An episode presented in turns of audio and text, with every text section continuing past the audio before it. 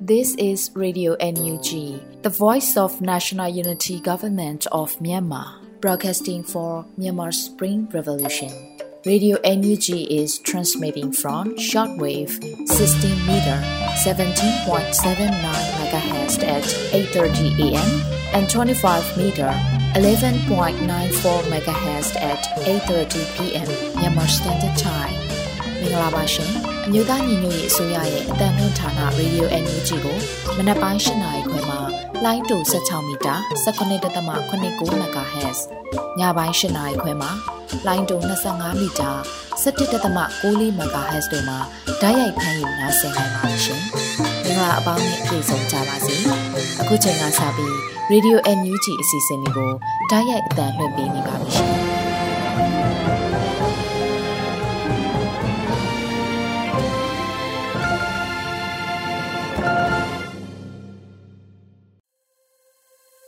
မြန်မာနိုင်ငံသူနိုင်ငံသားအပေါင်းတဘာဝပေးဆရာနာရှင်ပြီးတို့ကနေကင်းဝေးပြီးကိုစိတ်နှစ်ပါးဘေးကင်းလုံခြုံကြပါစေလို့ရေဒီယိုညူချီဖွယ်သားများကဆုတောင်းမြတ်တာပို့သလာရပါတယ်ရှင်။အခုချိန်ကစပြီးကာကွယ်ဝင်ကြီးဌာနရဲ့စီးရီးသတင်းချင်းချုပ်ကိုတော့နှွေဦးမိုးကဖတ်ကြားတင်ပြပေးပါတော့မယ်ရှင်။မင်္ဂလာပါခင်ဗျာအမျိုးသားညီညွတ်ရေးအစိုးရကာကွယ်ရေးဝန်ကြီးဌာနမှထုတ်ဝေသောနိုင်စဉ်စီးရီးသတင်းအကျဉ်းချုပ်များကိုတင်ပြတော့ပါမယ်။ယနေ့ တနိုင်ငံလုံးအတိုင်းအတာအနေနဲ့ရန်သူတပ်သား18ဦးသေဆုံးပြီးရန်သူတပ်သား9ဦးဒဏ်ရာရှိခဲ့ပါတယ်။ပထမဆုံးအနေနဲ့အာနာသိန်းချက်ပတ်စစ်တပ်နဲ့တိုက်ပွဲဖြစ်ပွားမှုများကိုတင်ပြတော့ပါမယ်။စကိုင်းတိုင်းတွင်အော်တိုဘာလ18ရက်နေ့မနက်7:40မိနစ်ခန့်တွင်ရွှေဘုံမြို့နယ်ရွှေဘုံမြို့ကညနာရုံးတွင်တက်ဆွဲထားသောရန်သူတပ်သားများကိုစိုင်နိုင်တိုက်နယ်ပြည်သူ့ကာကွယ်ရေးအဖွဲ့ပကဖ တာနောယခပြည်သူ့ကာကွယ်ရေးအဖွဲ့တို့ပူးပေါင်းပြီးလက်ပြမိုင်းနှလုံးဖြင့်ပြက်ခတ်တက်ခတ်ခဲ့ရာရန်သူ၃ဦးသေဆုံးခဲ့ပြီးနှစ်ဦးပြင်းထန်ဒဏ်ရာရှိခဲ့ကသေဆုံးထိခိုက်ရန်သူများကိုလူမှုကူညီရေးကားနှစ်စီးဖြင့်ခလာရ၄နှစ်တက်ထဲသို့တည်ဆောင်သွားခဲ့ပါတယ်ခင်ဗျာအောက်တိုဘာလ18ရက်နေ့မနက်9နာရီခန့်တွင်ခင်ဦးမြို့နယ်မြို့နယ်ပြည်သူ့စေယုံတွင်တက်ဆွဲထားသည့်ရန်သူတပ်သားများအပြင်သို့ထွက်ခွာလာရာရေဦးလန်းကွေ့ဗလီကွေးသို့ရောက်ရှိစဉ်ပြည်သူ့ကာကွယ်ရေးအဖွဲ့ မြို့နယ်ပကဖမြို့ပြပျောက်ကြားစစ်စင်ရေးအဖြစ်ကားဖြစ်ဝင်စီပြီးပြစ်ခတ်တက်ခတ်ရာရန်သူဘက်မှ၃သေဆုံးကပြည်သူ့ကာကွယ်ရေးအဖွဲ့များထိခိုက်မှုမရှိစုခွာနိုင်ခဲ့ပြီး MA1 နှစ်လက်တင်းဆဲနိုင်ခဲ့ပါတယ်ခင်ဗျာမကွေးတိုင်းတွင် အော်တိုဘာလ18ရက်နေ့နေ့လယ်3:30မိနစ်ခန့်တွင်ရေစချိုမြို့နယ်ညောင်ဆောက်ကျေးရွာမှမဲကုန်းကျေးရွာလမ်းမိုက်သို့ပြန်လည်ဝင်ရောက်လာသောရန်သူတပ်ဖွဲ့ဝင်များကို ရေစကြိုမြို့နယ်ပြည်သူ့ကာကွယ်ရေးအဖွဲ့ရေစကြိုပကဖကမိုင်းဆွဲတက်ခတ်ခဲ့ရာရန်သူတပ်ဖွဲ့ဝင်9ဦးမိုင်းထိမှန်ဒဏ်ရာရရှိခဲ့ပါတယ်ခင်ဗျာအောက်တိုဘာလ18ရက်နေ့နေ့လယ်2:30မိနစ်ခန့်မှ2:50မိနစ်အထိကန့်ကောမြို့နယ်တောင်ခင်ရန်နယ်မြေခံရဲစခန်းမှထွက်ခွာလာသောရန်သူတပ်နှင့်ပြူစောတိပူပေါင်းအင်အား20ဦးတောင်ခင်ရန်နယ်မြေရဲစခန်းအနီးလမ်းပိုင်းပေါ်သို့ထွက်လာစဉ်ကန့်ကောခရိုင်အမှတ်1 12 14တရင် ABSDF ပကဖပူပေါင်းတိုက်ခတ်ခဲ့ရာရန်သူဘက်မှမျက်မြင်တအုပ်သေးဆုံးပြီးဒဏ်ရာရစစ်စစ်ဆဲဖြစ်ပါတယ်။အော်တိုဘာလ16ရက်နေ့ညနေ6:28မိနစ်မှ8:19မိနစ်အထိကံကောမြို့နယ်တောင်ခင်ရန်ရွာနယ်မြေရဲစခန်းကိုကံကောခရိုင်အမှတ်1 12 14တရင် ABSDF ပကဖပူပေါင်းတိုက်ခတ်ခဲ့ပါတယ်ခင်ဗျာ။အော်တိုဘာလ15ရက်နေ့နေ့လယ်တနာရီမှ ပေါက်မြို့နယ်တမခတစ်တုံညာတက်မှထွက်ခွာလာသောရန်သူတပ်များစသိန်းရွာအတွင်းသို့ဝင်ရောက်နေစဉ်မြိုင်မြို့နယ်ပြည်သူ့ကာကွယ်ရေးအဖွဲ့မြိုင်ပကဖတရင်တက်ပေါက်မြို့နယ်ပြည်သူ့ကာကွယ်ရေးအဖွဲ့ပေါက်ပကဖတို့ပူးပေါင်းပြီး drone ဖြင့်ဘုံသီး၁၂လုံးကျဲချတက်ခတ်ခဲ့ရာရန်သူတပ်ဖွဲ့ဝင်3ဦးသေဆုံးခဲ့ပါတယ်။အော်တိုဘာလ14ရက်နေ့နေ့လယ်တနာရီ90မိနစ်ခန့်တွင်ရေစကြိုမြို့နယ်ပကန်းကြီးကျေးရွာရဲစခန်းမှဒုတက်ချက်နိုင်လင်းနဲ့ ရဲတပ်သားတအုပ်ကိုရဲစခန်းမှရဲစခန်းနောက်ကျောရှိ၎င်းတဲ့အိမ်သို့ထမင်းကြိုက်တွားယူစဉ်ရဲစကြိုမြို့နယ်ပြည်သူ့ကာကွယ်ရေးအဖွဲ့ဝင်များကဖမ်းဆီးခဲ့ရာပြန်လည်ခုခံခဲ့ခြင်းကြောင့်ပြစ်ခတ်မှုဖြစ်ပွားခဲ့ပြီးဒုတက်ချက်နိုင်လင်းနေရာ၌ပင်တေဆုံးခဲ့ပြီးရဲတပ်ဖွဲ့ဝင်တအုပ်ပြင်းထန်ဒဏ်ရာရှိကထွက်ပြေးလွတ်မြောက်သွားခဲ့ပါတယ်ခင်ဗျာမန္တလေးတိုင်းတွင်အော်တိုဘလ18ရက်နေ့မနက်10:50မိနစ်ခန့်တွင် မတရားမြို့နယ်ကြောက်တရားရွာမှ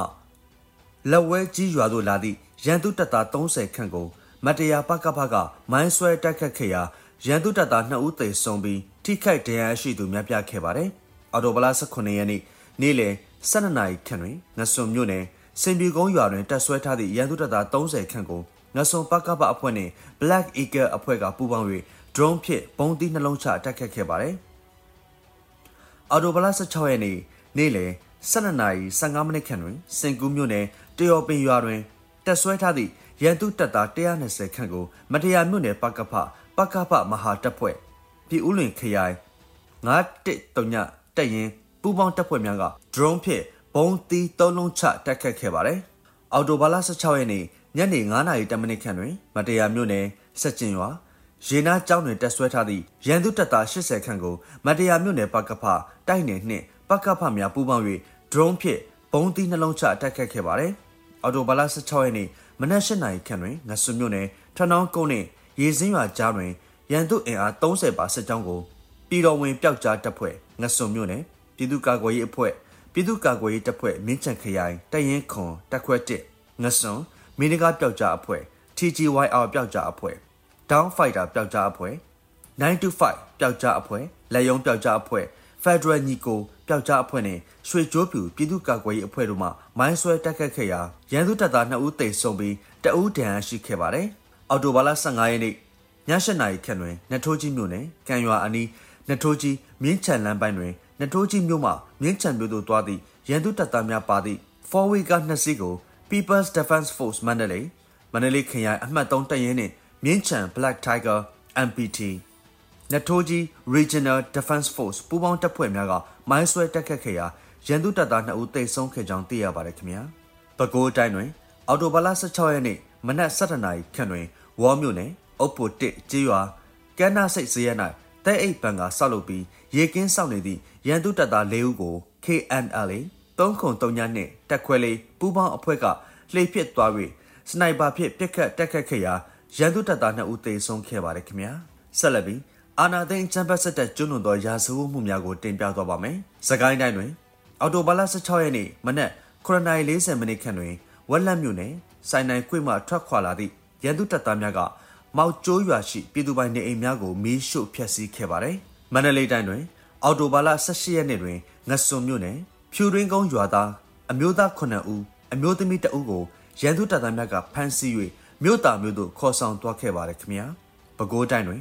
အော်တိုဘာလ16ရက်နေ့ ည8:30မိနစ်ခန့်တွင်ညောင်လေးပင်မြို့နယ်ခမာယာ20ညောင်လေးပင်တပ်ပတ်ခတ်မှ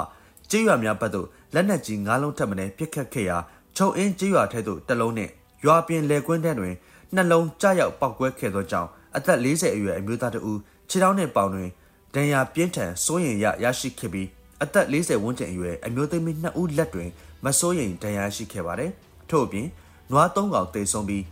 ရွာပြင်လက်ကွင်းထဲလက်နက်ကြီးကျသည့်နေရာကစပားခင်များပျက်စီးသွားကြောင်းသိရပါတယ်ခင်ဗျာဟုတ်ကဲ့ပါအခုတင်ပြခဲ့တာကတော့အမျိုးသားညီညွတ်ရေးအစိုးရကာကွယ်ရေးဝန်ကြီးဌာနမှထုတ်ဝေသော နေ့စဉ်စီးရီးသတင်းအကျဉ်းချုပ်များပဲဖြစ်ပါတယ်ကျွန်တော်ຫນွေဦးမိုးပါခင်ဗျာ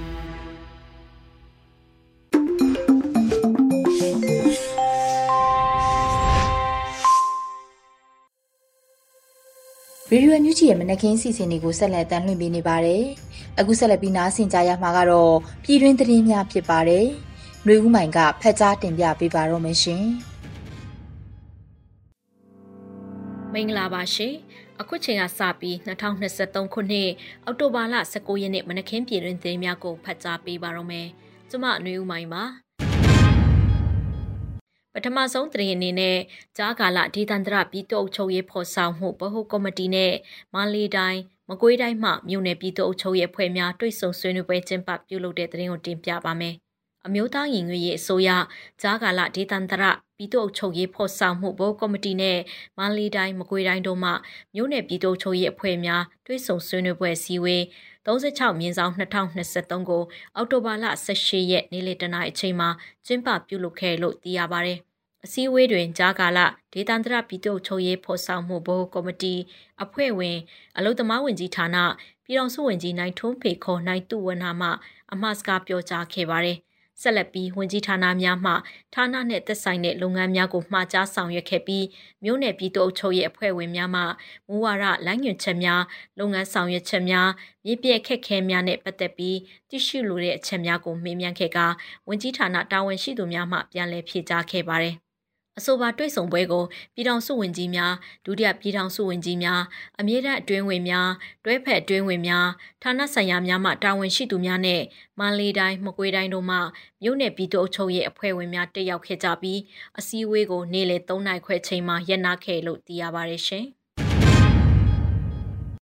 ဆက်လက်ပြီးအယက်သားပြည်သူ9ဦးအပါအဝင် လူ9ဦးအားရရဆက်ဆက်တပ်ဖြတ်ခဲ့သည့်ဖြစ်စဉ်ကိုထုတ်ပြန်ထားပြီးအကြမ်းဖက်စစ်တပ်ရဲ့ကျူးလွန်မှုများကိုအပြစ်ပေးအရေးယူနိုင်ရေးအစွမ်းကုန်တာဝန်ယူဆောင်ရွက်သွားမယ်လို့လူခွင့်ရေးဆိုင်ရာဝန်ကြီးဌာနကပြောဆိုတဲ့သတင်းကိုတင်ပြပါမယ်။စကိုင်းတိုင်းရင်းမပင်မြို့နယ်အတွင်းအယက်သားပြည်သူ9ဦးနဲ့ပြည်သူ့လုံခြုံရေးတပ်ဖွဲ့ဝင်2ဦးကိုအကြမ်းဖက်စစ်အုပ်စုမှ ရရဆက်ဆက်တပ်ဖြတ်ခဲ့သည့်ဖြစ်စဉ်ကိုလူခွင့်ရေးဆိုင်ရာဝန်ကြီးဌာနကအောက်တိုဘာ18ရက်နေ့မှာသတင်းထုတ်ပြန်လိုက်ပါတယ်။အောက်တိုဘာ15ရက်မနေ့9နိုင်ခန့်ကစကိုင်းတိုင်းပလဲမြို့နယ်မှဝင်လာသောအကြမ်းဖက်စစ်အုပ်စုလက်အောက်ခံ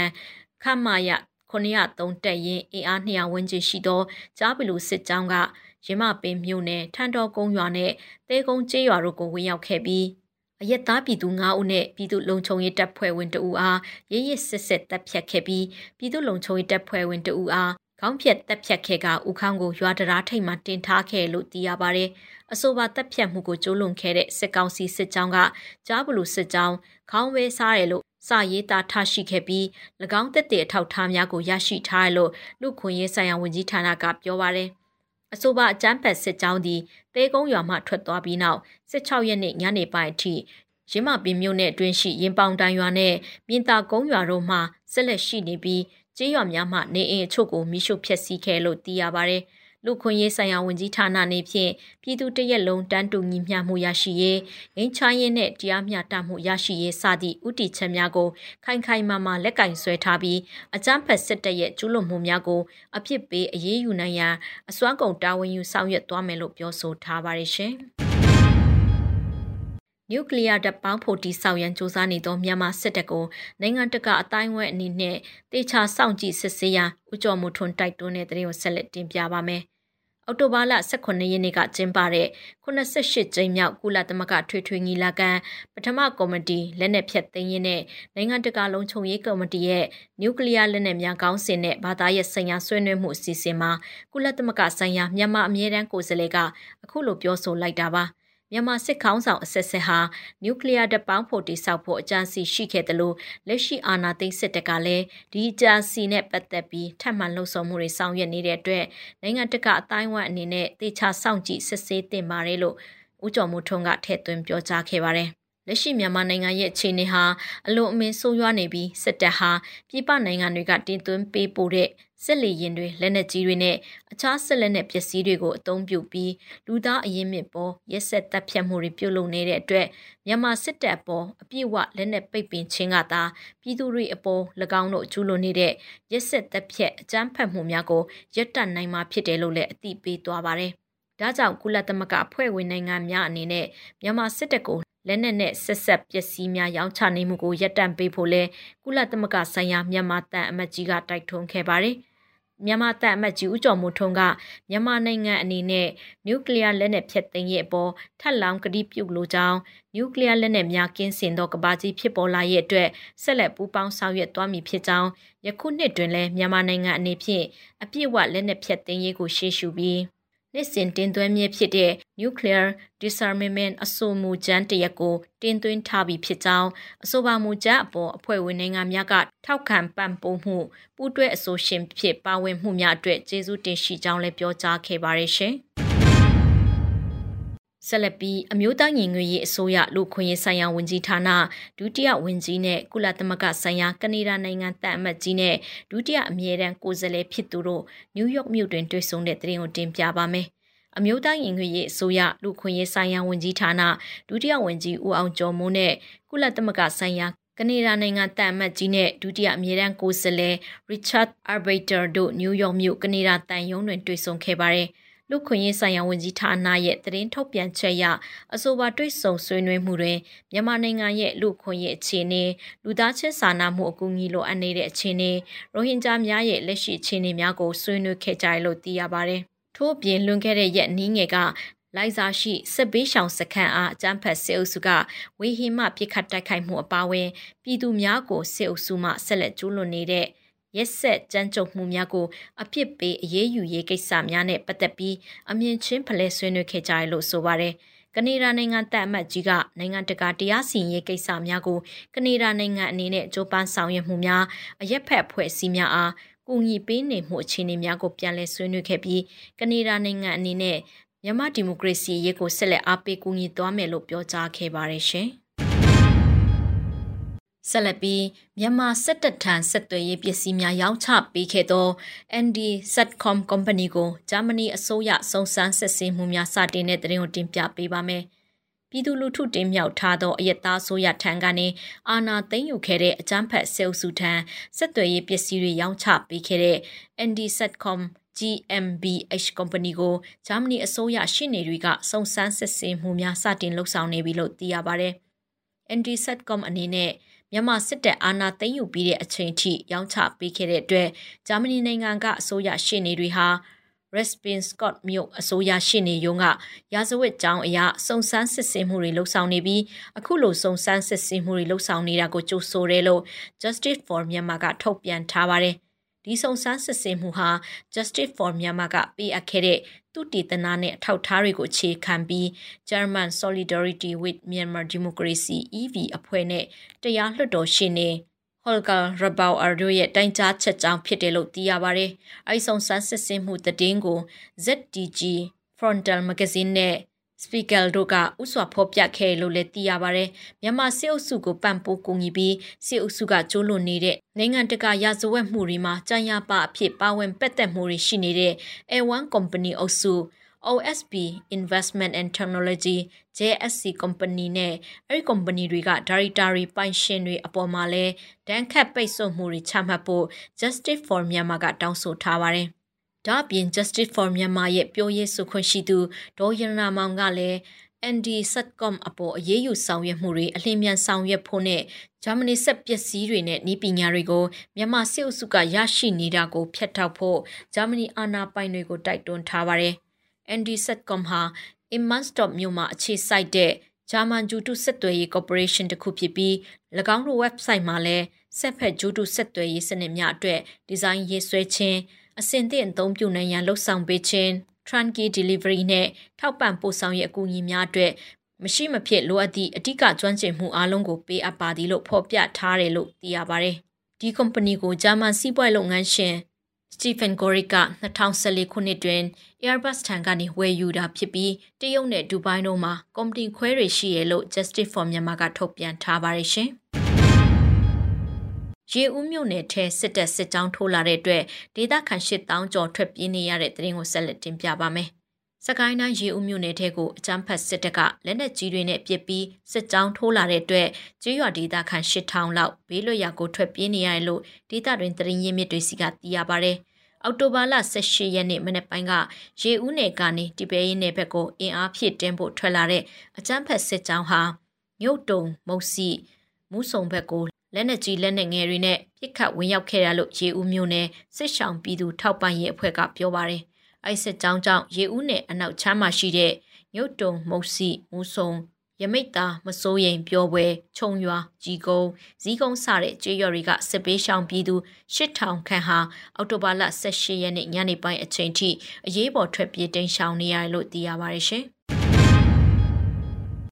ဆလပီရွှေကိုမြို့နယ်ရှိအကြမ်းဖက်စစ်ကောင်စီစခန်းကို KIA နဲ့ပူးပေါင်းအဖွဲ့သိမ်းပိုင်နိုင်ခဲ့ပြီးလက်နက်ခဲယမ်းများတင်စီရရှိတဲ့တရင်ကိုတင်ပြပါမယ်။ကချင်ပြည်နယ်ရွှေကိုမြို့နယ်ကငပတ်ကြီးကျေးရွာမှာအခြေချထားတဲ့စစ်ကောင်စီစခန်းကို KIA နဲ့ပူးပေါင်းအဖွဲ့တွေကသိမ်းပိုင်နိုင်ခဲ့ပြီးလက်နက်ခဲယမ်းတွေလည်းတင်စီရရှိခဲ့လို့ဒေတာတွင်တရင်ရမြစ်တွေကပြောပါရယ်။ ဗမော်ရွှေကူကားလမ်းပေါ်ကစစ်ကောင်စီလက်အောက်ခံအမှတ်600နှစ်ချင်းမြန်တက်ရင်အထိုင်ချထားတဲ့တပ်စခန်းကို KIA နဲ့ပူးပေါင်းအဖွဲ့ကတိုက်ခိုက်သိမ်းပိုက်နိုင်ခဲ့ရလို့ဒေသတွင်သတင်းဌာနတွေဖြစ်တဲ့ Kachin Wave နဲ့ Kachin News Group တို့ကလည်းအသိပေးထားပါတယ်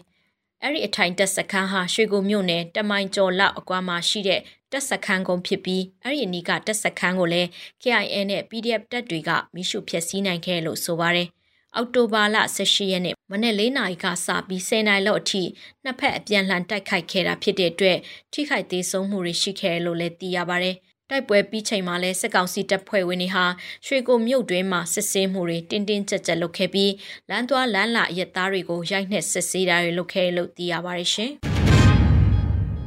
စောကံပလက်လမ်းပြန်လည်ပြုတ်ပြင်ပြီးစီးပြီးဖြစ်လို့ပြည်သူတွေရခင်တိုင်းသွာလာနိုင်ပြီဟုဆိုတဲ့သတင်းကိုဆက်လက်တင်ပြပါမယ်။ချင်းပြည်နယ်တွင်မိုးအဆက်မပြတ်ရွာသွန်းမှုကြောင့်မြေပြိုပြီးပိတ်မိနေတဲ့စောကံပလက်လမ်းပိုင်းကိုချင်းကွာကိုရဲတပ်ဖွဲ့ကံပလက်တူမီတက်ရင်ကပြုတ်ပြင်ခဲ့လို့အောက်တိုဘာလ18ရက်နေ့ကသတင်းထုတ်ပြန်ပါတယ်။ဒေသခံပြည်သူတွေအခက်ခဲတွေ့နေရတာကြောင့်ကာကွယ်တပ်ဖွဲ့ကပြန်လည်ပြုတ်ပြင်ပေးတာလို့ CDF ကံပလက်တူမီတက်ရင်ကဆိုပါတယ်။ ပြန်လည်ပြုပြင်ခြင်းလုပ်ငန်းတွေဆောင်ရွက်ပြီးစီးပြီဖြစ်လို့စောကံပလက်လမ်းပိုင်းကိုအောက်တိုဘာ16ရက်နေ့ကစပြီးပြည်သူတွေငကိုယ်တိုင်အသုံးပြုနိုင်ပြီလို့လည်းဆိုပါတယ်။ပြီးခဲ့တဲ့အောက်တိုဘာလဆန်းပိုင်းလဲမိုးများပြီးမြေပြုံမှုကြောင့်ပိတ်မိနေတဲ့ကြောက်ထုစောလမ်းပိုင်းကို The Youth for Soul နဲ့ကြောက်ထုကပြန်လည်ပြုပြင်ခဲ့ပါတယ်ရှင်။အခုတင်ပြခဲ့တဲ့သတင်းတွေကို Radio UNG သတင်းထောက်ကိုခန့်နဲ့မင်းစစ်သွေးတို့ကပေးပို့ထားတာဖြစ်ပါတယ်ရှင်။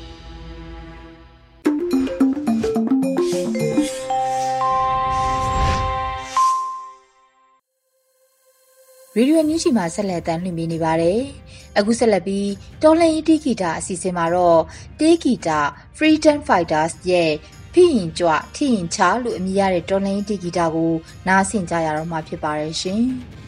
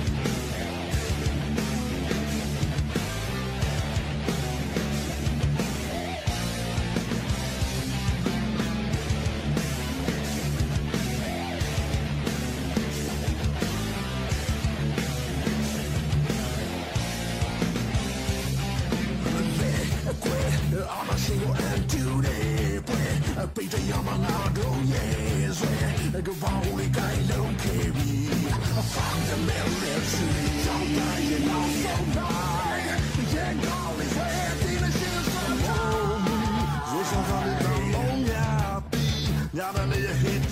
ဝိုးခဲ့နေခံနေတဲ့တိမ်များသွားပြီ Find the military ကြောက်တယ်ရင်တော့ဆုံးပါ Jet down is head in a shit side You saw the little bonya ညာ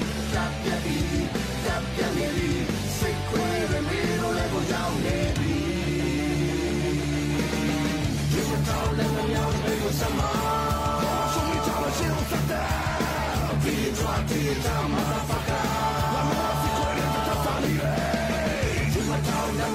ဲ့လူရဲ့ဟစ်ကျွေးပွဲတီယုံကြည်အောင်ကိုခို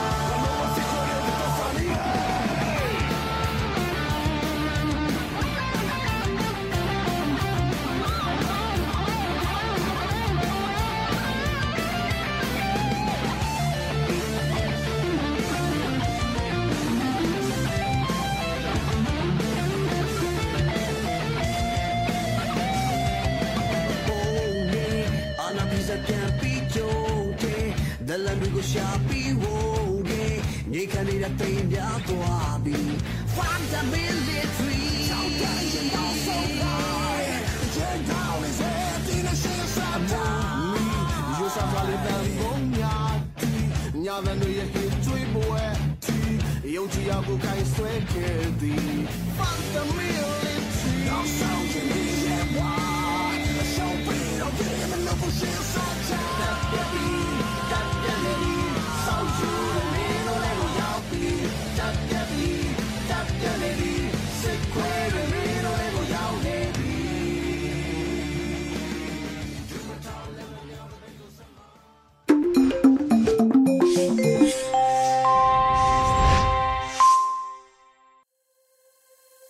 တော်တာရှင်များရှင်အခုနောက်ဆုံးအနေနဲ့ PPTV ရဲ့နေ့စဉ်သတင်းတွေကိုတော့နေကြီးမှဖတ်ကြားတင်ပြပေးပါမယ်ရှင်ခုချိန်ကစပြီး PPTV သတင်းတွေကိုတင်ဆက်ပေးတော့မှာပါကျွန်မနေကြီးပါရှင်ပထမဆုံးတင်ဆက်ပေးမယ့်သတင်းကတော့ဂျာကာလာဒေသနာပြည်သူ့အုပ်ချုပ်ရေးဖော်ဆောင်မှုဗဟိုကော်မတီနဲ့ရန်ကုန်တိုင်းမြို့နယ်ပြည်သူ့အုပ်ချုပ်ရေးအဖွဲ့များတွေ့ဆုံဆွေးနွေးတဲ့သတင်းပါ မြို့သားညီညွတ်ရေးဆိုရဂျာကာလာဒေသနာပြည်သူ့အုပ်ချုပ်ရေးဖော်ဆောင်မှုဗဟိုကော်မတီနဲ့ရန်ကုန်တိုင်းမြို့နယ်ပြည်သူ့အုပ်ချုပ်ရေးအဖွဲ့များတွေ့ဆုံဆွေးနွေးပွဲအစည်းအဝေး20မြင်းဆောင်2023ကိုအောက်တိုဘာလ18ရက်နေ့မွန်းလယ်တနာရီမှာပြုလုပ်ခဲ့ကြပါတယ်။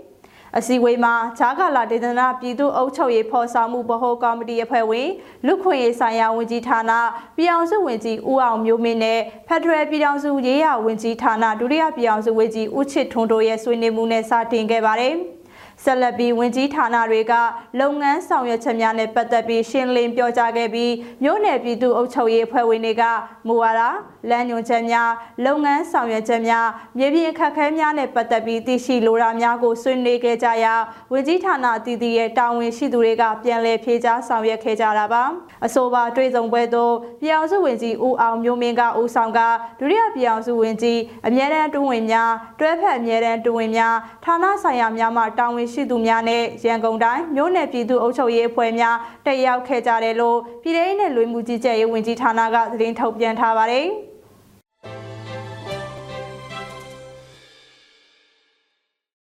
ဆက်လက်တင်ဆက်ပေးခြင်းတဲ့သတင်းကပြည်သူ့ရဲတပ်ဖွဲ့နဲ့စကိုင်းမကွေးပြည်သူ့လုံခြုံရေးအဖွဲ့များတွေ့ဆုံဆွေးနွေးတဲ့သတင်းမှာ မြို့သားညီညွတ်ရေးဆိုရပြည်ထောင်ရေးနဲ့လူမှုကြီးကြပ်ရေးဝန်ကြီးဌာနပြည်သူ့ရဲတပ်ဖွဲ့နဲ့စကိုင်းမကွေးပြည်သူ့လုံခြုံရေးအဖွဲ့များတွေ့ဆုံဆွေးနွေးပွဲအမှတ်စီ41မြင်းဆောင်2023ကိုအော်တိုဘာလ18ရက်နေ့မနက်10:00နာရီမှာပြုလုပ်ခဲ့ကြပါတယ်။အစည်းအဝေးမှာပြည်ထောင်နဲ့လူမှုကြီးကြပ်ရေးဝန်ကြီးဌာနအမြဲတမ်းတွင်းဝင်ရဲ့ဆွေးနွေးမှုနဲ့စတင်ခဲ့ပြီးလုပ်ငန်းစဉ်တွေကိုရှင်းလင်းပြောကြားခဲ့ပါတယ်။ ဆက်လက်ပြီးပြည်ထောင်ရေးနဲ့လူမှုကြီးကြပ်ရေးဝန်ကြီးဌာနတွဲဖက်အတွင်းဝင်တဲ့ပြည်သူ့ရဲတပ်ဖွဲ့ရဲချုပ်ကဆက်လက်ဆွေးနွေးခဲ့ပါတယ်။အဲဒီနောက်တက်ရောက်လာတဲ့ပြည်သူ့လုံခြုံရေးအဖွဲ့ခေါင်းဆောင်တွေက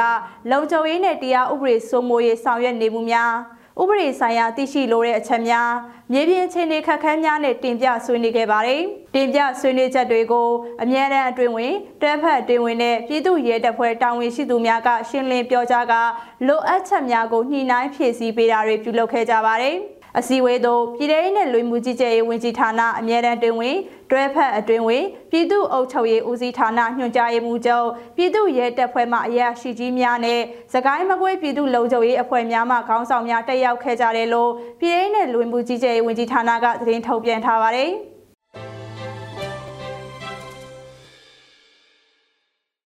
ဆက်လက်တင်ဆက်ပေးမှာက KNU မူရောခရိုင်အတွင်းအော်တိုဘာလနောက်ဆုံးနှစ်ပတ်တာတိုက်ပွဲအခြေအနေတွေကိုထုတ်ပြန်လိုက်တဲ့သတင်းပါ